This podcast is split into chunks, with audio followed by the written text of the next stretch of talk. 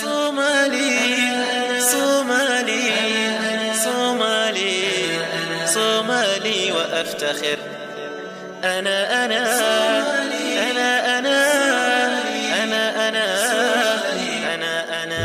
الحمد لله والصلاة والسلام على رسول الله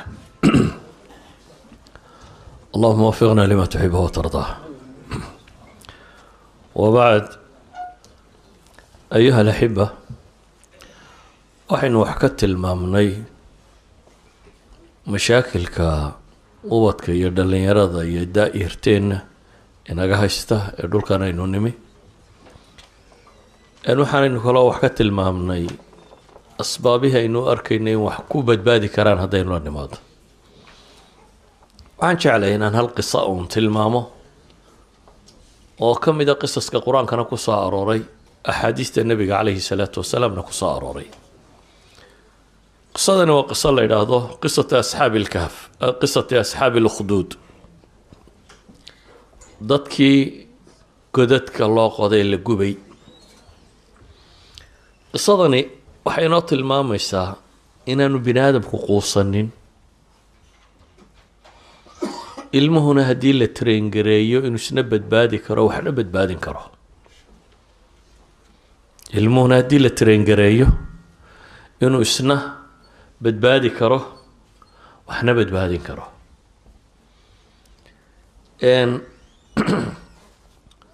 Inkastoo waaqicu ama waxayna hor yaalla waxa aada u cabsi badan ama weynuu yahay ugu horeyn qofka muslimkii ma quusto.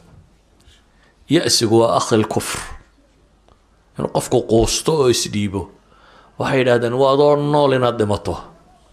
Quustu dee waa inaad iska fadhiisato unaad tirahda waxba lama qaban karo dan adigoo weli naftu kugu jirtay kaa baxda ilan waxaad rumaysatay inaad waxbaba qaban karin.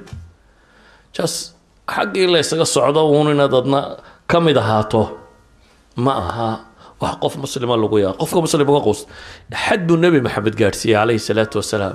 Markaynu qur'aanka iyo nusuusta badan ee ya-siga gaalnimo ama kufri ama waxaa lamida ka tilmaamaysa markaynu ka nimaadno.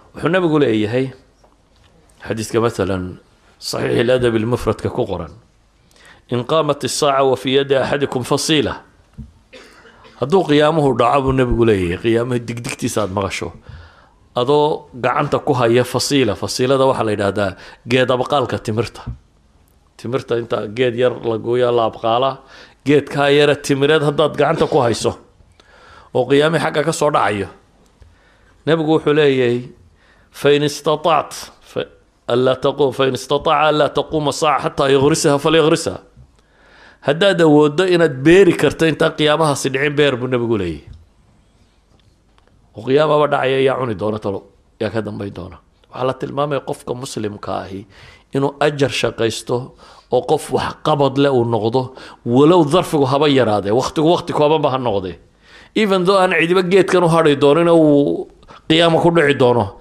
haddana qofka muslimka ah inuu qof productive yahay qof wax qaban kara inuu yahay qof wax bedeli kara inuu yahay qof aan nolosha isdhiibin inuu noqdo. Qisada tan marka hore duuduubhaan haddaanu tilmaamay sida axaadiista saxiixu muslim iyo tirmidi iyo nisaa iyo keyrkoodba ku soo arooray waxaa nabigu tilmaamaya boqor baa jiray boqoradii hore ka mid ah. Qur'aanku inta badan ama nusuustu inta badan ma tilmaamto qisaska sidan bini aadamku sheekada u qoro. Bini aadamku wuxuu ihtimaam siiyaa qofka magaciisa wakhtigu meeshuu ahaa goortay qisadu dhacday magaaladii ay ka dhacday waxaasi muhimka maaha qur'aanka iyo sunnadu markay inta badan ka waramayaan waxay ka waramaan qisadu namuda tusaalaha ay tahay. Meesha tusaalaheedu ku jiro.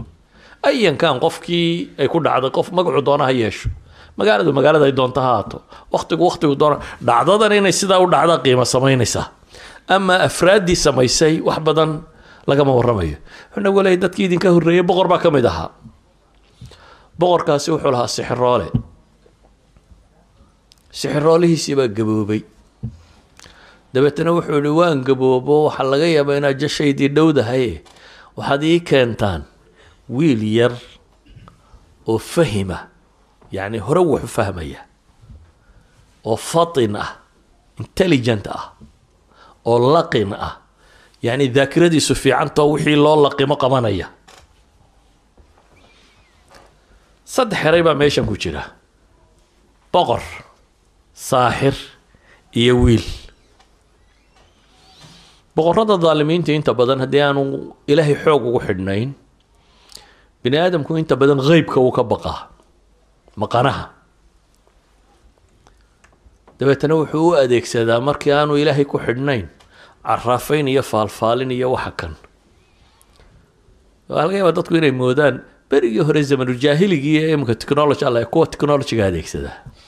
Wadanadan hadda dowladaha waaweyni ka jiraan ayaa caraafiinta iyo kuwa qeybka ka waramaya waxaan guryaha cad iyo guryaha cas iyo guryaha la sheegaya o dhan waxaan aada ula yaabaya oo ka waramaya jack shiragii xukumi jiray france afariyo toban sano madaxweyneha ka ahaa ayaa waxay yidhahdeen ceeba hadda la soo saaraya waxaa ka mid ah niman madmadoobo afrikaanoo kuwan faaliyaaba intuu afrika ka keensaday intuu madaxweyne ahay oo dhan guriga madaxtooyaday deganaayeen barjedka dowladdana waxay ugu qoraayeen la taliyayaal. Mustashaariin inay u yihiin madaxweynaha. Waa faaliyaashiisii si dowladdu lacagta u siiso. Waxay dhahdaan maantadan aynu joogno dunida jaraa-idka iyo waxa la iibsada ugu tirada badan le waxaa ka mid a kuwa faalka iyo buruujta iyo xidigiska iyo waxaa ka warama marka khuraafada bini aadamku inta badan kama tago haddaanu caqiido saxiixa yeelan. Walow uu cirka u diro gantaalo. Waxaa la tilmaamaya xadiidkani markaa boqortooyadaasi inay lahayd niman faaliyayaal oo wuxuu sheega. Faaliyahii waxaa kaloo xadiidkani tilmaamaya dadka ahlu baatilka ahi si iyana ugu xidhxidhan yihiin baatilku inuu waaro oo sii socdo. Kani waa sixroole baatil wada. Da-diisiina way gaadho uu dhimanayaa. Laakiin wuxuu rabaa sixirkan iyo farsamadan inay sii socoto. Saa daraaddeed bu wuxuu leeyahay halay doono. Wiil yaroo caqli badan oo fahmo badan oo waxqabasho badan oo waxa loo diro aanay laabaynin halay raadiya buu leeyahy wuxuu rabaa in mabaadi'diisu faafto. Idan dunidan aynu ku nool lahay aadanaha joogaa loolan unbu ku jiraa mid khayr faafinaya mid shar faafinaya wax cidla iska fadhiyaa waa yaryihiin. Cid waliba wixii ay rumaysan tahay. Daweydika imka dunidan arkaa qaanuunadu kolba qolada codkoodu soo batee siyaasiyiintu ay ka shakiyaan unbuu systemka waxbarasho iyo qaanuunada iyo waxa kani uu weecda imka l g b t iyo kuwa kan iyo waxaan o maxaa ka dhigay in dowladuhu ka dambeeyaan caynkan waa dadkaa batay. Dadka waxaan raadinayaa batay cod bay leeyihiin dowladuhu iyo siyaasiyiintu ay ka cabsanayaan oo ay rabaan inay helaan kuwa xuquuqdooda in la siiyo qaanuunka la mariyo kan la mariyo. Idan bini aadamka dunida ku nooli loolankaasi ku jiraa cid waliba waxay aaminsantahay waxay rabtaa inay meel mariso hore u socdo. Ninkan sixirooli wuxuu leeyahy markaa wiil yaroo fahmadiisu fiican tahay waxqabadiisuna daakiradiisuna wixii loo laqimana xejinaya ii doona waxaa muuqata in wiilkii la raadiyo la soo helay. Dabeetana sixirooli baa loo geeyay inuu sixirka baro. Wiilkii dariskiisii sidii u soo qaadanaya sixiroole ugu tegayey ayuu meel dhexe wuxuu ku arkay wadaad sawmaca ku jira. Mank wadaadadan intay bulshada iskaga tagaan raahibiinta noqdo iska cibaadaysta. Nin wadaado sawmaca ku jiro arkay. Ninkiibuu la fadhiistay ninkiibaa waxu sheegay diin xaqa iyo tawxiid iyo buuga warrama ninkii dhallinyarada ha tawxiidkani wuu la fiicnaaday iyo ninkani wuxuu ka warramayo. Xaggana dee daris iyo iskuol buu ku jiraa. Looga baahan yahay inuu si fiican u barto. Wuxuu sameeyey markuu gurigooda ka yimaade uu ku sii socdo sixirhoolaha wuxuu la sii yaro fadhiistaa wadaadka. Xoogaa buu ka dhigtaa. Dabeetana wuu dhaafaayo wuxuu tagaa sixirhoolisyo uu ka soo dhigtaa. Markuu sixirhoolaha ka soo noqdo ee uu guriga ku sii socdana waa la sii fadhiistaa wadaadka waxoogaa kaleu ka sii akhristaa. Dabeetana gurigoodiibuu tagaa. Sixiroolihiibaa wuxuu dareemay wiilku inay yar habhabsaamayo waqtigii dabeetana waa maagay oo inankii waa la dilay. Reerka laftiisa waxay dareemeen inuu yaro habsaamayo. Wadaadkiiba ku yidhi niyo waxaad rabtaan inaan waxaan dhegaystana waan doonayay dee sixirkii iyo gurigii labadiibana dhib baa ka jirta waa lay tumayaa. Wuxuu wadaadku ku yidhi sababtay doonaan wadaadadu markay sharxayaan ha u sharxaane markaad sixiroolaha u tagtana waxaad tidhahdaa war guriga ku habsaamay reerkaa yara habsaamiyey. Markaaad guriga ku socotana qolada guriga waxaad ku tidhahdaa deriskii nala yaro dheeraado sixiroolihii ayaan maanta ku habsaamay. Wiilkii farsamadiisii buu samaystay dabeetana arrinkiisii buu iska watay. Wiilkani waa ghulaam af carabiga ghulaamka waxaa la yidhaahdaa qofka xaddu tamyiiskana dhaafay buluuqana aan gaadhin. Yacni toddoba jirna waa ka wenyay shan iyo toban jir meelahana ma gaadhin. Yacni waa teenager thirteen twelve ten somewhat like that weeyaan. Wiilku durustiisii buu iska qaataa. Xaggana xaq baa loo dhigaa xaggan kalena baatilkaa loo dhigaa. Akhiiran wiilkiioo wixii uu baranayay baranaya ayaa magaaladii bahal baa ku baxay. Xadiiska qaarkood libaax bay ku sheegayaan. Dabeetana dadka cabsi geliyey wiilkii baa wuxuu yidhi haddaan kala ogaanayaa labadan madraso tawarkeedu sax yahay. Dabeetana intuu dhagax qaatay buu wuxuu ilaahay waxaan ku weydiisanayaa. Haddii wadaadkaasi waxa uu dhigayaa ay ka khayr badan yihiin oo agtaada lagaga jecel yahay ninkaa kale sixrooli wuxuu sheegayo ila uu dhagaxayga yar ku dil daabadaas buu yidhi. Ilaahay buu u baryey dabeetana bahalkii buu dhagaxii ku dhuftay. Ilaahay waa ku dilay. Waa dhintay wadaadkii buu yimi oo arrinkii buu sheegay. Maanta magaaladii waxa bajiyey bahal. Dabeetana saasaan yeelo ilaahay baan beriyey oo dhagaxaasaan ku dhufto waa dhintay wadaadkii inankii wuu tashjiicay wuxuu yihi waryaa maanta adaa iga fadli badan. Waxaanan filayaa in lagu itixaami doono ibtilaa inuu soo gaari doono. Ibtilaagaasi maalinta kuu yimaado niyow hay sheegin. Waxay idhahdaan wadaadkani laba qadiyadood buu inanka u sheegay markan. Mid wuu tashjiiciyey. Qofka bini aadamkii markuu wax qabto ee wax saxa uu waliba qabto in loogu mahadnaqo lagu tashjiiciyaaba fiican. Qofka la qiro inuu waxa kan sameeyey. Saa soomaaliya waa laa shukra cala alwaajib sax maaha.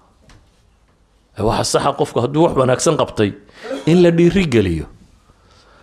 Waxa saxa macallinku inuu isku dayo ardaygiisu inuu isaga dhaafi karo ka kori karo uu ku farxo.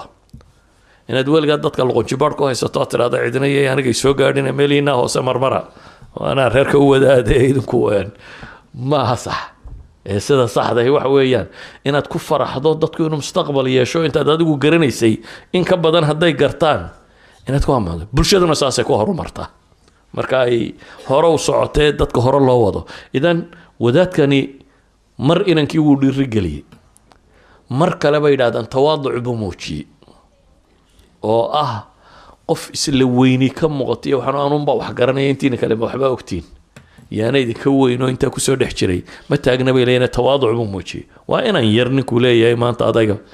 Mar saddexaad bay yidhahdeen wuxuu muujiyey dadka asxaabul xaqa ahi in dunida tan imtixaan ay ku maraan. Yacni dunidu ma aha daartii abaalmarinta daarta saxda ee abaalmarintahay waa xaggee waa aakhiro dunida tani waa daaru libtilaa'i walimtixaan markaad imtixaan nooca ka baxdaba mid nooc kale unbaad gelaysa.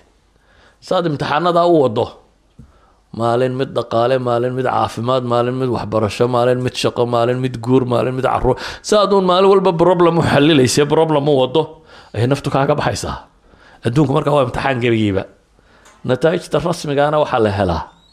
Marka aakhiro la tago wiilkii ilaahay buu si dhaba ugu xidhma. Towxiidkii iyo caqiidadii fiicnayda loo dhigay waa biyo dhigeen.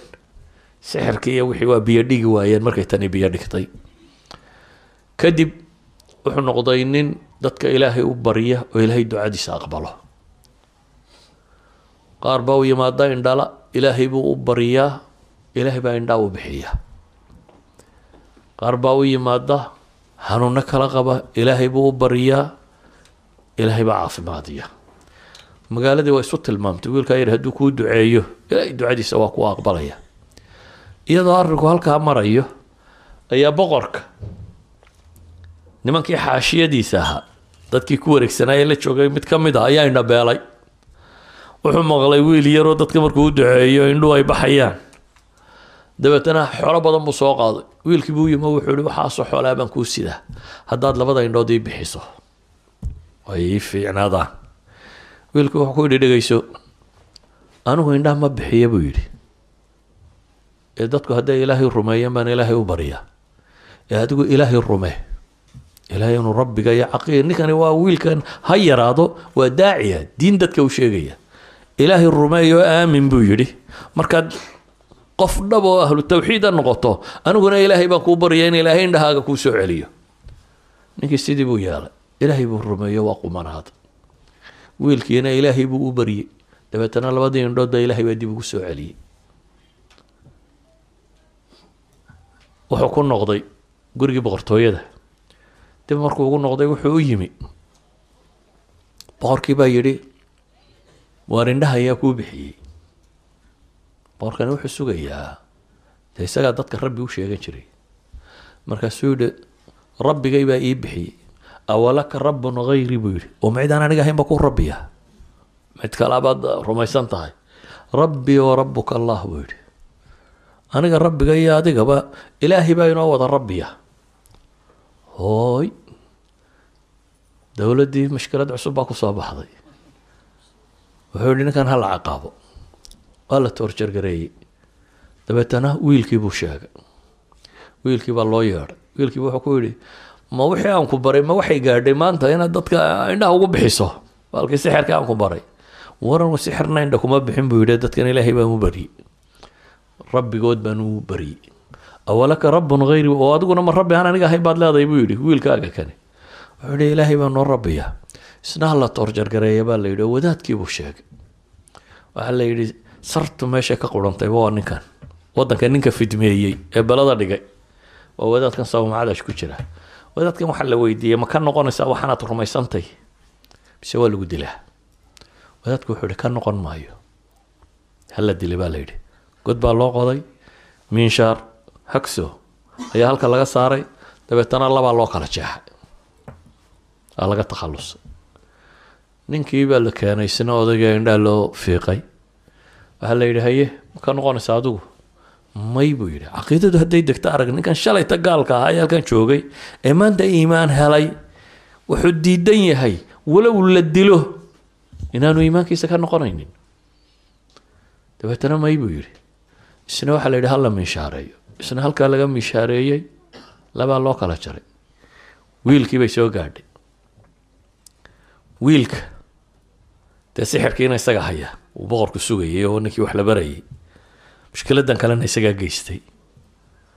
Dabeetana wuxuu intuu niman ku daraybu wuxuu yihi qaada waxaa geysaan buurta. Buurta gebigeeda saara. Uu biqi doonaa markuu arko godkee waxaad tidhahdaan ama halkaasaa lagaa tuuraya? Ama ka noqo? Waxaa kanaad wado way kaxeeyeen halkii bay geeyeen. Markii dacalkii la saaray ayuu ilaahay baryey kan ilaahay buu ku kalsoon yihi ilaahay ow sharkooda adigu igaga fillow buu yidhi buurtii baa gilgilantay nimankii baa ilaahay ka daadiyay askarta ahaa isagii baa badbaaday. U soo noqday. Iskamuu tegin wiilkan iyo mays odhan gaalkii ilaahay baa kaa badbaadiya baxso. Ninkani waa nin diin xambaarsan oo raba bulshada tan inuu bedelo boqorkiibuu ku soo noqday. Ay kan yidhi. Boqorkii wuxuu yihi meye ciidankan kugu daray. Ilaahay baa ku fillaaday buu yidhi. Ciidankan u diyaariyo wuxuu yihi doontaa qaata wiilka nasaara badweynta geeya waxaad tidhahdaa ma ka noqonaysaa? Hadduu diido badda bartankeeda dhiga buu ku yidhi. Waa la kaxeeyey. Baddii baa la geeyey. Ma ka noqonaysaa baa la yidhi. Ilaahay oo adigu sharkooda igaga fillow buu kuwiina ku ducaystay. Doontii baa qallibantay nimankii waa dhinteen. Isagiina ilaahay waa soo badbaadiyey. Waa soo noqday. Boqorkii buu u yimi haddana waar meeye buu yidhi raggaan kugu daray. Ilaahay baa ku fillaaday buu yihi kuwaana boqoroo ma rabtaa buu yidhi inaad i disho haa buu yidhi. Sidaad ii dili kari lahayd baan kuu sheegayaa buu yidhi. Dadkao dhan isugu yeedh magaalada degan dabeetana meel markaad isugu weedho aniga tiirka igu xidh. Kadib qaanso qaado jucbadayda leebabka ku jira arooskii uu halka ku sitay. Xabad kala soo baxa. Ah gantaalkaa yar ama leebkaa kala soo baxa.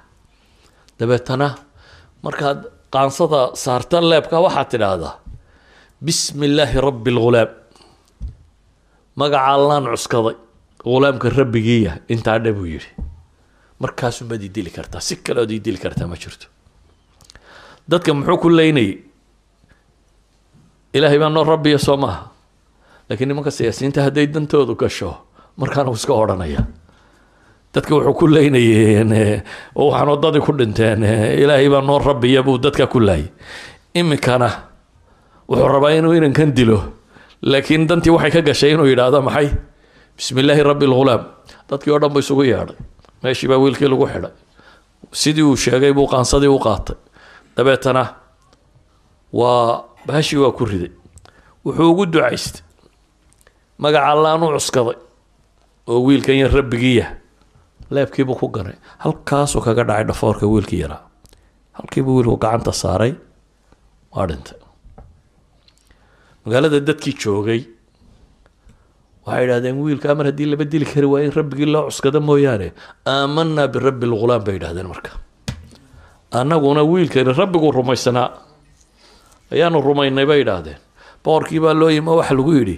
Wixii aad ka baqaysay soo maaha inuu diini faafto dadka diinta rumeeyo tii baa dhacday baa lagu yidhi wixii aad ka baqaysay wuxuu yihi waxay yeeshaan magaalada sekad walba godad ka qoda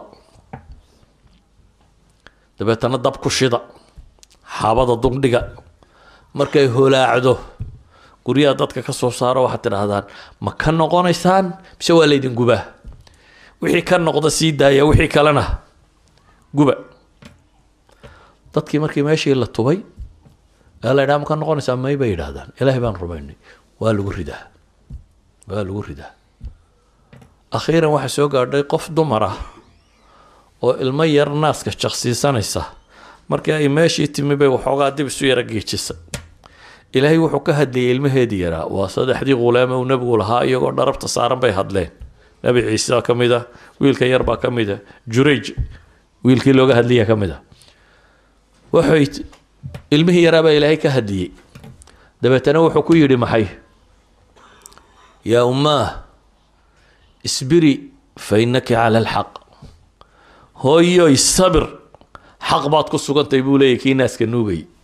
Hooyoy sabir! Xaq baad ku sugan tahay kadib ayaa islaantiina la gubay. Qisadu wax ka dambeeya laynooma sheegin waa intaa. Qur'aankaa ilaahay kaga waramay markaa suuraddan la yidhaahdo waasamaai daati lburuuj walyowmi almawcuud washaahidin wamashhuud qutila asxaabu lkhduud annaari daati lwaquud id hum calayha qucuud wahum cala ma yafcaluuna bilmu'miniina shuhuud wma naqamuu minhm ila an yu'minuu biاllahi alcaziizi alxamiid الذي له ملك السماوات والارض والله على كل شيء شهيد ان الذين فتنوا المؤمنين والمؤمنات ثم لم يتوبوا فلهم عذاب جهنم ولهم عذاب الحريق ان الذين امنوا وعملوا الصالحات لهم جنات تجري من تحتها الانهار ذلك الفوز الكبير ilaahay waa dhaartay samadan burjiga buraajta leh iyo shaahidka iyo mashhuudka iyo yowm lmawcuud saddexdaa waxbaa ilaahay ku dhaartay markuu dhaartay kadib baa ilaahay wuxuu yidhi waxaa la nacdalay oo ilaahay naxariistiisa laga fogeeyey qoladii godadka u saaxiibka ahay markaase haddana la yidhaha annaari daati lwaquud kuwii dabka u saaxiibka ahaa waxa lagu hurinayo wadta. Waa goorma id hum calayha qucuud baa ilahay yidhi. Qoladani waxay ahayn ku dadkan saadiyiinta la yidhaahdo. Saadiyiinta waxa weeyaan dad ku raaxaysta bini aadamka tacdiibkiisa waa nooc mutaxawish yani halka ugu dambeysa bini aadamnimadu markay inxiraafto ay gaadho weeyaan. Inaad daawato bini aadam la cadaabayo. Riwaayadihii romanska la dhigi jiriye maxaa la sameeyaa? Libaaxya meel lagu xareeya deetana dad baa loo soo tuuraa. Waxaa la daawadaa sida maxay? Uu googoosanaya libaaxu dadka uu u la daawadaa. Ama ninkusuu libaaxisge waxay dhahdaan toorjarka bini aadamka inaad ku raaxaysataa waa meelaha insaaninimada ugu dambeeya nimankan ilaahay wuxuu ku ceebeeyey gubis qura maaha kuwii dadka gubayey ee marka la gubayana dul fadhiyey baa ilaahay yidhi markhaatiga ka ahaa id hum calayha qucuudun wahum calaa maa yafcaluuna bilmu'miniina shuhuud. Soo xaadiray baa ilaahay leeyay. Waxaa kaloo ilaahay ku tilmaamaya dadkaasi wax dembiyo ay galeen inanay jirin inay maxay? Ilaahay uun kelinimadiisa rumeeyeen mooyaane qisada tani markaa waxay sheegaysaa. Kow batalka geesiga qisadan matelaya waa wiil yar. Waxay tilmaamaysaa insaanku inuu yahay waxa wax bedela. Hadduu xaqa haleelana xataa hadduu yar yahay inuu wax bedeli karo. Magaalo dhan iyo dowlad dhan iyo boqortooyo dhan waxa gelgilay ee dadkaa dhan muslim ka dhigay waa wiil aan weli qaangaadhin sida qisadani ka warramayso. Wiil aan weli qaangaadhin laba qisadani waxay sheegaysaa qofka haddii xaq iyo baatilka si siman loogu bandhigo inuu xaqu koraynayo laba aqoon-yahan baa wiilkan helay oo mid waliba farsamadiisa u daacad yahay garanayana. Midna sixirkan iyo baatilkan iyo waxaa kan buu khabiir ku ahaa oo waxbarayo waddankao dhan looga yaqaano inuu yahay saaxirkii boqortooyada. Ka kalena rahib diinta garanaya buu ahaa fitrada bini aadamku markaa abuurka bini aadamku wuxuu u janjeedhaa xaqa haddii si siman loo soo bandhigo. Innaga waxayna haysta baynu soo tilmaamnay. Qeyb dad la tababaray ayaa soo bandhigaya. Wakti ku filanna waa la siinayaa. Qofka bini aadamkii waktigii ugu habboonaaye wax qaadan karayeyna waa lagu barayaa. Waa sistamka dowladuhu siduu socdo qeybteennana cid aan ama aqoon-yahan ahayn ama aan farsamada soo bandhigista la barin ama wakti ku filan aan la siinin ayaa lagu wadaa waxaanaynu rabnaa inay beratamaan markaasi waxaan leenahay haddaynu systemkan system u dhigmi kara dhinac dhigi karno ama ha noqdo wadankan waxaa la ogolaya iskuulladaada inaad yeelato inaan iskuulla yeelano ama ha noqoto haddaynu iskuulla yeelan kari weyno ama after school iskuullo la furo ha ahaato ama madaaris ha noqoto system qofkan mabaadi'diisa diineed bari kara haddaynu u samayno. Waxaynu leenahay inuu waa balans garayn karnaa mushkiladda dhanka kale kaga shubmaysa laakiin inaga waxa weeyaan dhanna waynu kaga shubaynaa dhanna wuu madhan yahay. Qisadani markaa waxaan u soo qaatay waxa ay tilmaamaysaa haddii si siman qofka wax loogu sheego waa walaqad khalaqna alinsaana fi axsani taqwiim. Waxay u badan tahay inuu raaco maxay? Xaqa. Waxay kaloo qisadani tilmaamaysaa. Qur'aanka qisaska ilaahay kaga waramo dhowr qeybood bay u qoran yihiin. Qisas gaaliya muslim isqabtaan laga warramay oo markay halkii u dambeysay maraysay ilaahay cuquubo soo dejiyo gaaladii la mariyey. Muslimkii waa la badbaadiyey laakiin wax kaloo uga sii dambeeya qur'aanku inoogama warramin. Markaan qisadii nebi nuux nebi huud nebi saalix. Ambiyadaas oo dhan waxaa laynooga warramay in la isqabtay. Dabeetana markii halkii u dambeysay gaadhay qoladii gaaleed balaaya ku degtay kuwii dambe la badbaadiyey wax dambe qur'aanku inoogama sheegin. Waxaa kaloo qur'aanku uu ka warramayaa qisas la isqabtay.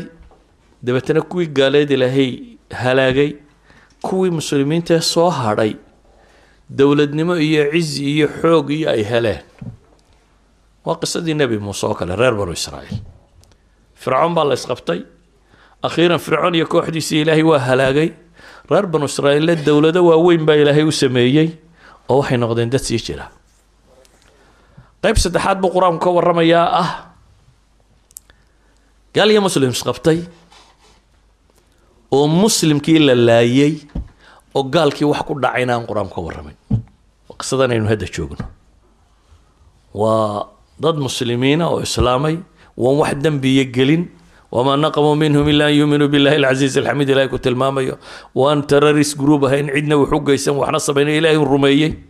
Iyo gaalo isqabatay oo kuwii mu'miniinta ha la laayay dabeetana ay ku gabagabowday kuwii gaaleedna wax ku dhacay qur'aanku kama warramin bale ilaahay wuxuu ka warramaya in aladiina fatanuu lmu'miniina waalmu'minaat ثuma lam yatuubuu falahum cadaabu jahannama walahum cadaabu lxariiq kuwii muslimiinta imtixaamay mu'miniinta imtixaanka ku sameeyey ee gubay ee aan toobad keenin baa ilahay ilahay xilmigiisa bal u fiirso. Wuxuu leey haddaad toobad keentaan idinkoo awliyadaydii waxaa ku sameeyey waa idinka aqbalaya toobadda. Oo dib soo islaantaan kuwii wax dhibay ee weliba aan toobad keenin baa ilaahay yidhi. Kuwaasi waxay leeyihiin falahum cadaabu jahannama walahum cadaabu lxariiq iyana jahanamo iyo mid laysku gubo. Cadaab wax gubo bay leeyihiin. Weli ilaahay xilmigiisa kuwaa wuxuu tilmaamaya toobadii u furantay. Waday diinta soo galaan in ilaahay toobadooda ka aqbalaya. Qisada xaggeeda kale waxaa ilaahay ku tilmaamaya walow nimanka kan la laayay haddana inay guulaysteen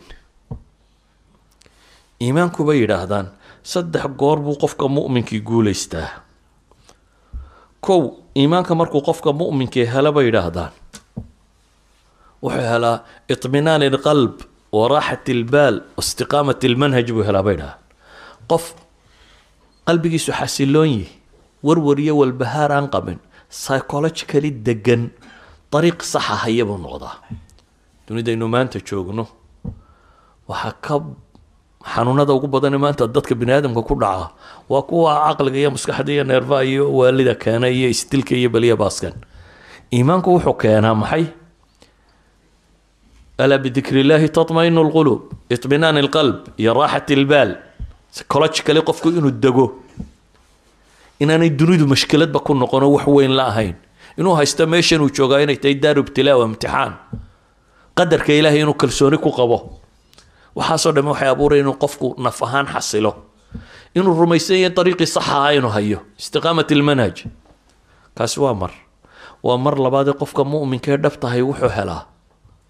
Bini aadamku wuu iska ammaan jecelyahay in la magacaabo. Xagga rabbi inuu ka magacaabanyo laga ammaanayo.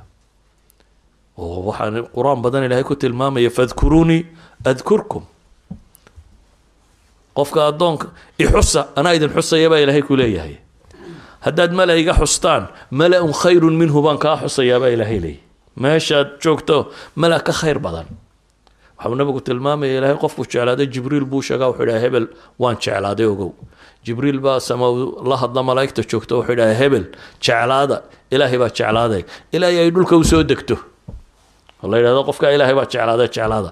Idan magac iyo maamuus buu cinda allaahi ka helaa.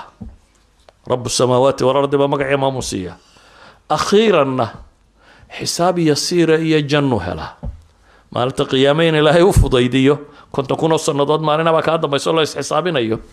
Maalintaa xisaabteeda in ilaahay u fudaydiyo abaalmarkiisuna inuu noqdo maxay? Janno uu galo. Saddexdaa dufcaba waxa la socda bay idhaaheen ridwaanullah. Wa rida allahi akbar min kulli dalik ilahay inuu kaa raalli yahay. Mar kale qur'aanku wuxuu inoo tilmaamayaa qofku waxa ugu weyn oo haysta waa caqiido waa diin. Hadduu diintiisu badbaado inuu guushii ugu weynayd gaadhay. Hadduu iyada waayana inuu guuldaradii ugu weynayd ay ku dhacday. Inagu marar badan dadku waxay ka fakeraan ilmahaagu hadduu dhakhtar noqdo lacag helo caynka wallaahi de waa nin ragowno istaberiyo waxaad u haysataa inuu guulaystay. Walow diintaba ha ka tagane hadduu nin iska miskiin oo meelihiisa iska jooga laakiin diintiisa iskaga midtana wallaahi de midna waa wadaad yaroo meelaha masaajidu iska joog joogaaye. Waxa dhiba cidna kuma haya laakiin naf badan ma leh. Isna wax ma taransan reerkana wax ma tarin. Yacni nin uun meelaha iska joog joogo oo tamartiisu aanay badnayn ayuu muuqday. Inagu maynu aragnay inuu guulaystay dhakhtarka noqday ee lacagta een garaynaya. Laakiin xaqiiqadu waxay tahy إلهي قرآن كوحولي يا أيها الذين آمنوا هل أدلكم على تجارة تنجيكم من عذاب أليم تؤمنون بالله ورسوله وتجاهدون في سبيل الله بأموالكم وأنفسكم ذلكم خير لكم إن كنتم تعلمون يغفر لكم ذنوبكم ويدخلكم جنات تجري من تحتها الأنهار ومساكن طيبة في جنات عدن ذلك الفوز العظيم وأخرى تحبونها نصر من الله وفتح قريب ilahi wuxuu yihi dadka muuminiinta ee ilaah iyo rasuulba rumeeyey ee ilaahay tiisa u dirirayow ma idin tusiyaa? Waxaa ku guulaysanaysaan tijaaro aan khasaaro lahayn oo cadaabka ilahay idinka badbaadinaysa ma idiin sheegaa waxaa la yidhi iimaanka qaato alla iyo rasuulba rumeeyo ta ilaahay u diriro wakaa maxaa abaalmar u leediin haddaa saa yeeshaan abaalmarkiinu waa maxay? Waa dembigiinoo la dhaafo? Janno ilaahay idin geliyo? Guryo fiicfiican oo jannada laydinka siiyo jannada nagaadigoo aada degtaan dhalika alfawz alcadiim baa ilah yidhi. Haddaad liibaan weyn rabtaanna kaasba ah baa ilahay yidhi liibaanta weyn. Kow oo haddaa dunida waxaan u baahanay inaanu gaalada ka xoog badanay inaanu kan yeelay iyo inaanu guulaysanay arrinkaasi waa xaggee. Ilahay wuxuu leeyay waa ukhraa tuxibuunaha nasru min iyo mid kaloo idinku jeceshiin oo ah in laydin guuleeyo. Tan kale waa waa ukhraa tuxibuunaha weeyaan. Ma aha main pointkii. Main pointka waa maxay waa inaad liibaanto qoladan la gubay ilaahay muxuu yidhi in aladiina aamanuu wacamiluu saalixaat lahum jannaatun tajri min taxtiha alanhaar. Maxaa ku xiga?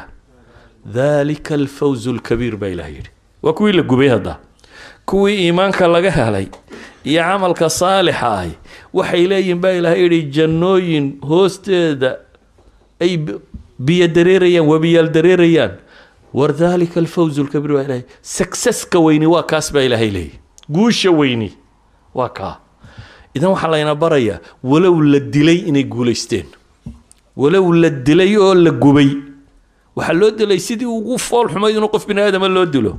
Qof isagoo nool la kariyey oo la torjar gareeyey ayaa ilahay inooga warramaya. Haddana waxaa la yidhi kuwaasi waa guulaysteen baa la tilmaamaya. Kuwaasi waa guulaysteen. Waxaan ku soo koobaya markaa waktigu waa iska dhammaad. Waxaan ku soo koobayaa adduunku wax weyn maaha. Ilaahay gaalada muslimka guulaystiya waxaasoo dhan wuxuu leeyahy laa yaguranaka taqalubu aladiina kafaruu fi lbilaad mataacun qaliil uma ma'waahum jahannam wa bi'sa almihaad. Gadgadoonka kuwa gaaleed ay dunida iyo dhulka gadgadoomayaan ha ku kadsoomina baa ilahay yidhi. War intan aa aragtaan baa ilahay leeyahy waa mataacun qaliil waa bedhbedhsi yar waa raaxo aada u yar uma ma'waahum jahannam wa bi'sa almihaad waar waxa ka dambeeya waa jahanamo baa ilaahay yidhi oo meel gogolna iyadaa u xun meel la galana taasaa u liidataa marka intaan ha ku kadsoomina ilaahay wuxuu leeyahay dunidu ma aha meeshii cadaaladda ilaahay kama dambaystaa laga muujinayay. Dunidu waa daarul ibtilaa waa lays imtixaamaya. Wanaag baa lagugu imtixaamay nablukum bilkhayri washari fitna. Khayr iyo barwaaqo iyo caafimaad waa lagu eegi. Waxaad ku yeeshay miyaad ku sii kibri waa lagu eegay imtixaan kale baqa iyo cabsi iyo xanuun iyo faqri iyo dhib kale waa lagu eegay tasbir dabeetana saa daraaddeed ilahay wuxuu yidhi walaa taxsabana allaha gaafila cama yacmalu الظaalimuun inamaa yuakhiruhum liyowmin tashkhasu fiihi labsaar war dadka waan u kaadinayaa baa ilaahay leeyahy ha u malaynina baa ilaahay leeyahy in ilaahay moog yahay kuwa dulmiga sameeyaa waxay wadaan in ilaahay ka qarsoontahay ha u malaynina laakiin ilahay wuxuu leeyay inamaa yuakhiruhum. Ilaahay judgmentkooda wuxuu dib ugu dhigaya abaalmarintooda. Dee maalinta abaalmarinta.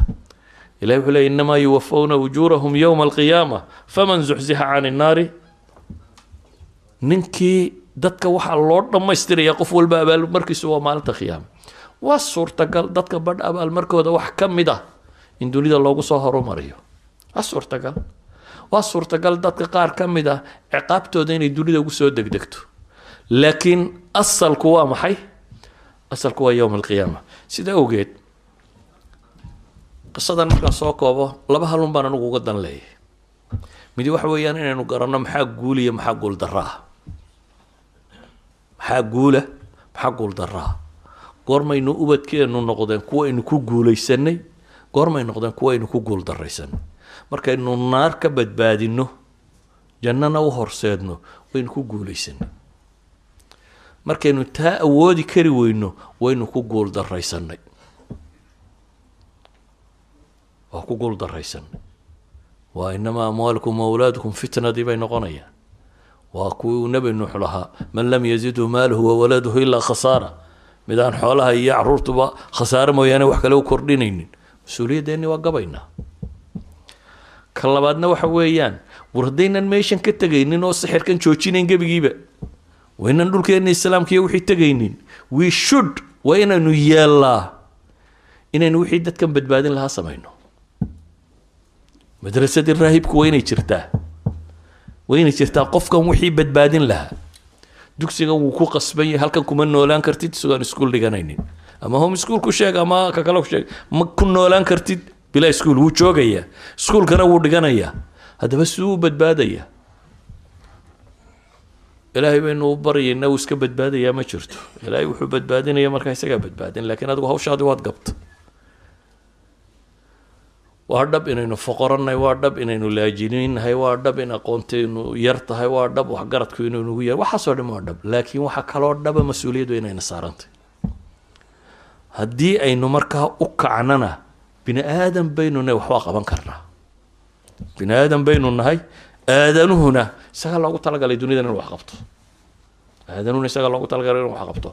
Haddaynu seexano oo quusananana gabaygii shaafici muxuu sheegayay imaamu shaafici oo gabiya wuxuu leeyahay wardoontu saxaaraha kuma socoto buu leeyahy meesha. Haddaad inta doon soo qaado tidhahdo maxay dhulka u jeexi weyday. Dee suurtagal maa baddaa la dhigaa. Markaasay maxay? Doontu dhaqaaqaysaa. Maxaa ilmahaygu isaga hagaagi waayey malcaamadan geeya sawta qur-aanka loo dhigo dee qur-aanka alxamdulilahi unbaa lagu yidhahda alxamdulilah isagaa yaqaanaba af carabi uu dusha ka qayba un weeyaan hadhowna waa ilaabaa waxba kale maad barin idan waxaynu u baahan nahay dadaalkeenna inaynu isugu geyno inaynu ugu yaraan madrasada raahibka abuurno صلى الله على محمد وعلى اله وصحبه وسلم صومالي وأفتخر أنا أنا أنا أنا